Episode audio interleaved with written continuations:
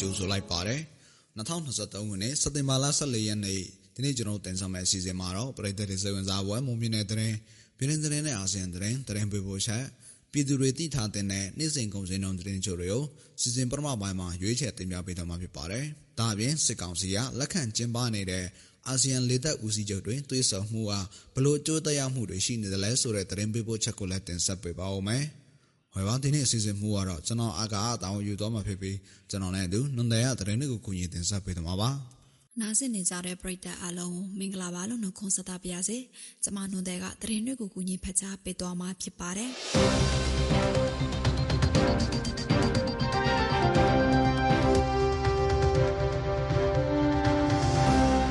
ပထမဦးဆုံးသတင်းတစ်ပုဒ်အနေနဲ့ တိုက်ထုံမြို့နယ်ဝင်မယန်းချောင်းအမြဲတမ်းစစ်စေးရေးဂိတ်မှာစစ်စစ်မှုတင်ကြံထားတဲ့အတွက်နေ့စဉ်ဖြတ်တန်းသွားလာနေတဲ့ကားထောင်ထဲကြီးပိတ်ဆို့မှုဖြစ်ပွားနေပြီးအခက်အခဲကြုံနေရတယ်လို့ခရီးသွားတဲ့ကားသမားတွေစီကနေသိရပါဗျ။စက်တင်ဘာလပထမပတ်ကစပြီးလုံခြုံရေးအကြောင်းပြချက်နဲ့စစ်ကောင်စီမယန်းချောင်းစစ်စေးရေးဂိတ်မှာခရီးသွားကားတွေအပါအဝင်ဖြတ်တန်းသွားလာနေတဲ့ကားတွေကိုပိုက်စိတ်တိုက်ရှာဖွေစစ်ဆေးမှုတွေဆက်တိုက်လှုပ်ဆောင်လာတယ်လို့သိရပါဗျ။စစ်ကောင်စီဟာမယန်းချောင်းစစ်စေးရေးဂိတ်မှာလုံခြုံရေးတင်ကြထားတဲ့အတွက်ကြောင့် ပဲခူးတိုင်းဘက်ကနေဝင်လာတဲ့ခီးသွွားကားတွေပြင်ကြိုက်ထုံမြို့နယ်ဘက်ကနေဖြတ်သွားမဲ့ခီးသွွားကားတွေလည်းအချိန်ကြာမြင့်စွာစောက်ဆိုင်ပြီးတွာလာနေရတယ်လို့သိရပါဗျ။စစ်စစ်မှုတင်ချထားတဲ့စစ်ကောင်စီမယန်းချောင်းစစ်စေးရေးကိန်းမှာခီးသွွားကားတွေကုန်တင်ကားတွေကိုတစည်းကိုကျပ်3000ကနေကျပ်3သိန်းကျော်အထိတောင်းခံမှုတွေရှိနေတယ်လို့သိရပါတယ်ခင်ဗျာ။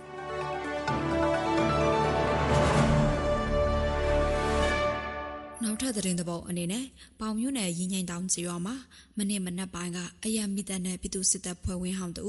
တနက်နဲ့ပြစ်ခတ်ခဲ့ရတယ်လို့ဒေသခံတွေစီကနေသိရပါဗျ။ရင်းငိမ့်တောင်ကျေးရွာတောင်ပေါ်ရန်ပိုင်းနဲ့အသက်68နှစ်အရွယ်ဦးကြားကြီးဟာသူ့ရဲ့နေအိမ်မှာတည်ရှိနေတော့ဆိုင်ငယ်နဲ့လူနှစ်ဦးရောက်ရှိလာပြီးတနက်နဲ့ပြစ်ခတ်ခဲ့ပါတယ်။တနက်နဲ့ပြစ်ခတ်ခံရမှုကြောင့်ဦးကြားကြီးဟာညာဘက်ပေါင်ကြီးထိမှန်တရားရရှိပြီးတထုံခရိုင်ပြည်သူ့စေယုံကိုပို့ဆောင်စေကူတာမှုခံယူနေရတယ်လို့သိရပါတယ်။ ဦးကြားကြီးဟာညညင်တောင်ကျေးရွာအယံမိသက်တပ်ဖွဲ့ဝင်ဟောင်းတူဖြစ်တယ်လို့ပြည်သူစစ်တပ်ဖွဲ့ဝင်ဟောင်းတူလည်းဖြစ်ပါတယ်။လက်ရှိမှာတော့ចောင်းသက်ចောင်းစင်ချင်းចောင်းသားចောင်းသူတွေရန်တရကင်းရှင်ရဲ့အတွက်လမ်းရှင်းပေးနေသူတို့အဖြစ်လှုပ်ဆောင်နေတယ်လို့လည်းဒေသခံတွေကပြောဆိုမှုရှိနေပါတယ်။ဦးကြားကြီးကိုဘယ်ဖွဲ့စည်းကဘာကြောင့်ပြစ်ခတ်လဲဆိုတာကိုတော့မသိရသေးပါဘူးရှင်။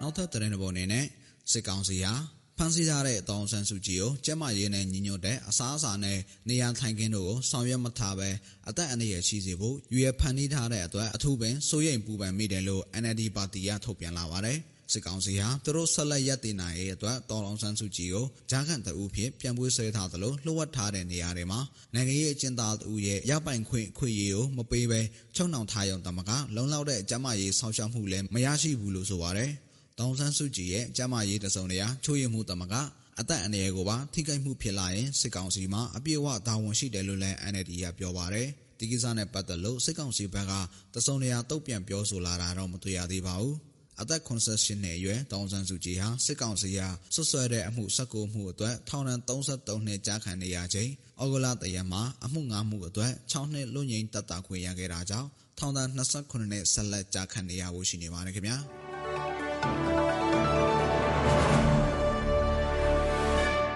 老。နောက်ထပ်သတင်းသဘောအနေနဲ့တဝဲမြို့နယ်တပြေချောင်းကျေးရွာမှာစိတ်ဝိဒနာရှင်လူငယ်တယောက်ကကေဂျီချောင်းသူလေးကိုရေသွင်းနဲ့ပစ်ချလိုက်တော့ကေဂျီချောင်းသူလေးအသက်ဆုံးရှုံးသွားခဲ့ရတယ်လို့သိရှိရပါတယ်။အသက်20ကျော်ရွယ်ကိုလှိုင်းစင်ဆိုဟာဒီကလေးကိုလက်ခေါ်သွားရကပြန်မရောက်သေးလို့ခေါ်ယူမင်းမြန်ရကနေတပြေချောင်းကျေးရွာကခမရလေးရက်တဲ့အနာမှာရှိတဲ့ရေသွင်းတဲ့စီကလေးကိုပစ်ချထားခဲ့တယ်လို့သူကဝန်ခံခဲ့ပါတယ်။အဲ့ဒီရေသွင်းစီတွားရောက်ရှာဖွေချိန်မှာကလေးရဲ့ရုပ်အလောင်းကိုတွေ့လိုက်ရတာဖြစ်တယ်လို့ဒေသခံတရေရင်းမြစ်တွေကအသိပေးထားပါတယ်။ကိုလှိုင်စင်ဆိုဟာတက္ကသိုလ်ဝင်တဲ့အောင်မြင်ထားသူတစ်ယောက်ဖြစ်ပြီးလက်ရှိမှာစိတ်ဝိဒနာခံစားနေရတဲ့ယောဂတဲ့ဘဝကိုရောက်ရှိလို့နေပါတယ်ရှင်။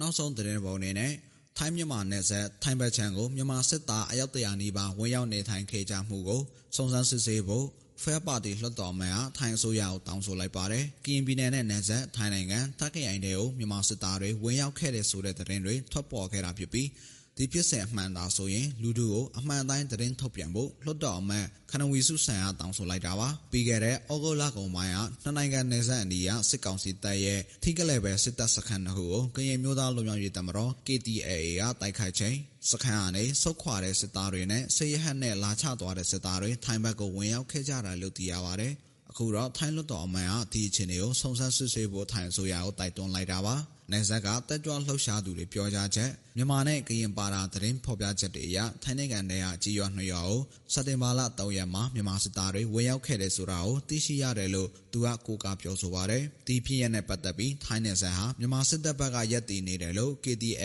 ဘက်ကယူဆသွားနိုင်တယ်ဆိုပြီးသူကထောက်ပြပြောဆိုလိုက်ပါတယ်ခင်ဗျာ။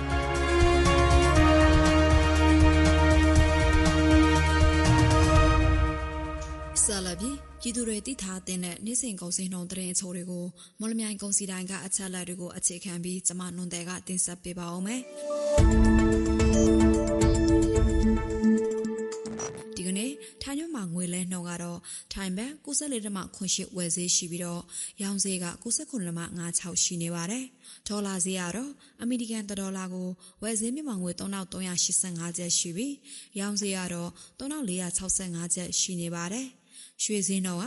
မီလ16ပဲရည်တစ်ချက်သားကိုအပြင်ပေါက်စီ36သိန်းဝန်းကျင်မှာရှိနေပါတယ်။စက်သုံးစီတွေကတော့ဒီဇယ်တလီတာကို2560ကျပ်၊အောက်သိန်း92တလီတာကို2355ကျပ်နဲ့65တလီတာကို2485ကျပ်ထိရှိနေပါတယ်။စံစင်းတော့ကတော့ ရွှေဘိုပေါ်ဆန်24ပြည်တအိတ်ကိုစံကုန်တဲ့အတင်က32500ကျပ်ရှိပြီးအပြင်ပေါက်စီက34500ကျပ်ပေါ်ကျွဲ24ပြည်တအိတ်ကိုစံကုန်တဲ့အတင်က9800ကျပ်ရှိပြီးအပြင်ပေါက်စီ31000ကျပ်ရှိနေပါတယ်ရှင်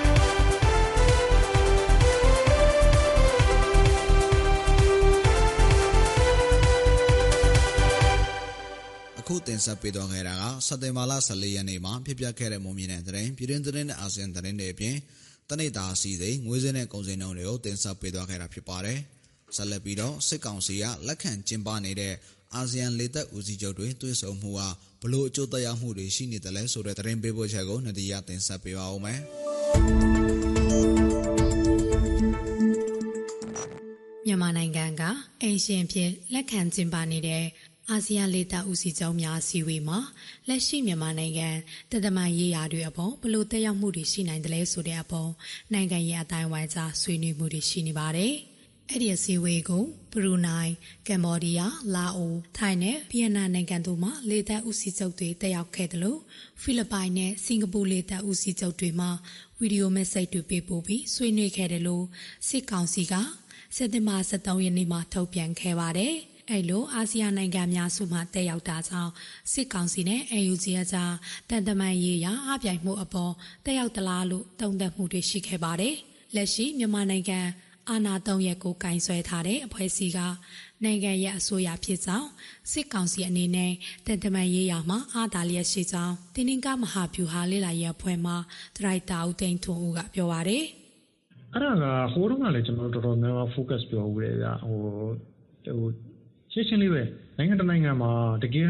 ဒီနိုင်ငံရဲ့အာဏာသုံးရပေါ့ဥချိုရေးဒီဥတွေပြည်နဲ့တရားစီရင်ဒီအာဏာသုံးရကိုတကယ်တိုင်တွယ်ပြီးအလုပ်လုပ်တဲ့နိုင်ငံတစ်နိုင်ငံကဒီနိုင်ငံရဲ့အစိုးရပဲသူ့ဘာသူဟို theory တွေကကျွန်တော်တို့ကရှောက်ပြီးတော့ legitimate ဖြစ်လာမဖြစ်ဘူးလားတော့ညင်းနေကြတာတကယ်တမ်းကအဲ့ဒီနိုင်ငံကိုအုပ်ချုပ်နေတဲ့အစိုးရတရားကဒီစဲအစိုးရပဲပြောရင်တရားဝင်အစိုးရပဲအဲ့တော့အဲ့ဒီအချက်မှလည်းတော်တော်လေးရှင်းလင်းနေပြီပါပြီရုံးကတခန်းတော်မှာတေချာကောင်းကောင်းဖွင့်လှစ်ဖို့အနေအထားမရှိဘဲနဲ့ ဟိုနိုင်ငံခေါ်တွေဒီနိုင်ငံခေါ်တွေလောက်နဲ့တာယာနေတဲ့အဖွဲ့အစည်းတစ်ခုမျိုးနဲ့တော့ဒီရှင်းလို့မရဘူးပေါ့လေအဓိကကတော့လက်တွေ့ရတော့အဲ့ဒီတိုင်းပဲဗျအဲ့တော့တန်တမာရေးကအာသာချက်ရှိလားမရှိလားဆိုအစတည်းကလာစကဘက်ကတန်တမာရေးကအာသာချက်ကရှိပြီးသားပါဟိုအာသာချက်မရှိဘူးလို့လူတွေကထင်နေကြတာပဲဖြစ်ပါလိမ့်မယ်2023ခုနှစ်စက်တင်ဘာလ23ရက်နေ့က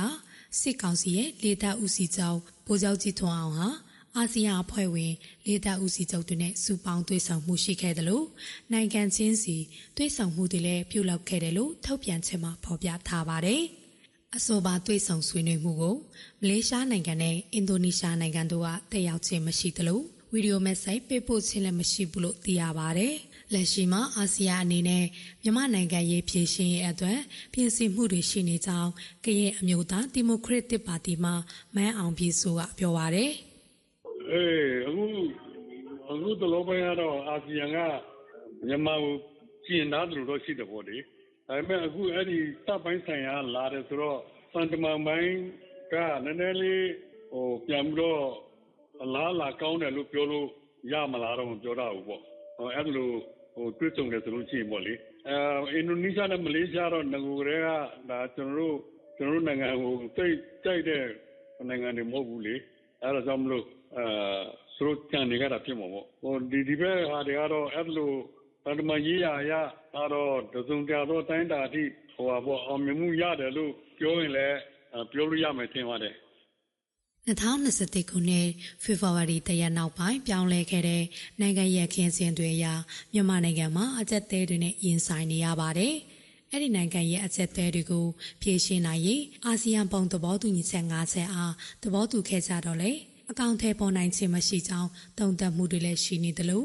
အာဆီယံအစည်းအဝေးတွေမှာမြန်မာအားတက်ရောက်ခွင့်ကန့်သတ်ထားပါတယ်။ဒါပေမဲ့တခြားတစ်ဖက်မှာလည်းစစ်ကောင်စီကလက်ခံကျင်းပတဲ့20ကြိမ်မြောက်အာဆီယံလေတပ်ဦးစီးချုပ်များအစည်းအဝေးဟာအာဆီယံအဖွဲ့ဝင်အများစုတက်ရောက်ခဲ့တာကိုတွေ့ရပါတယ်။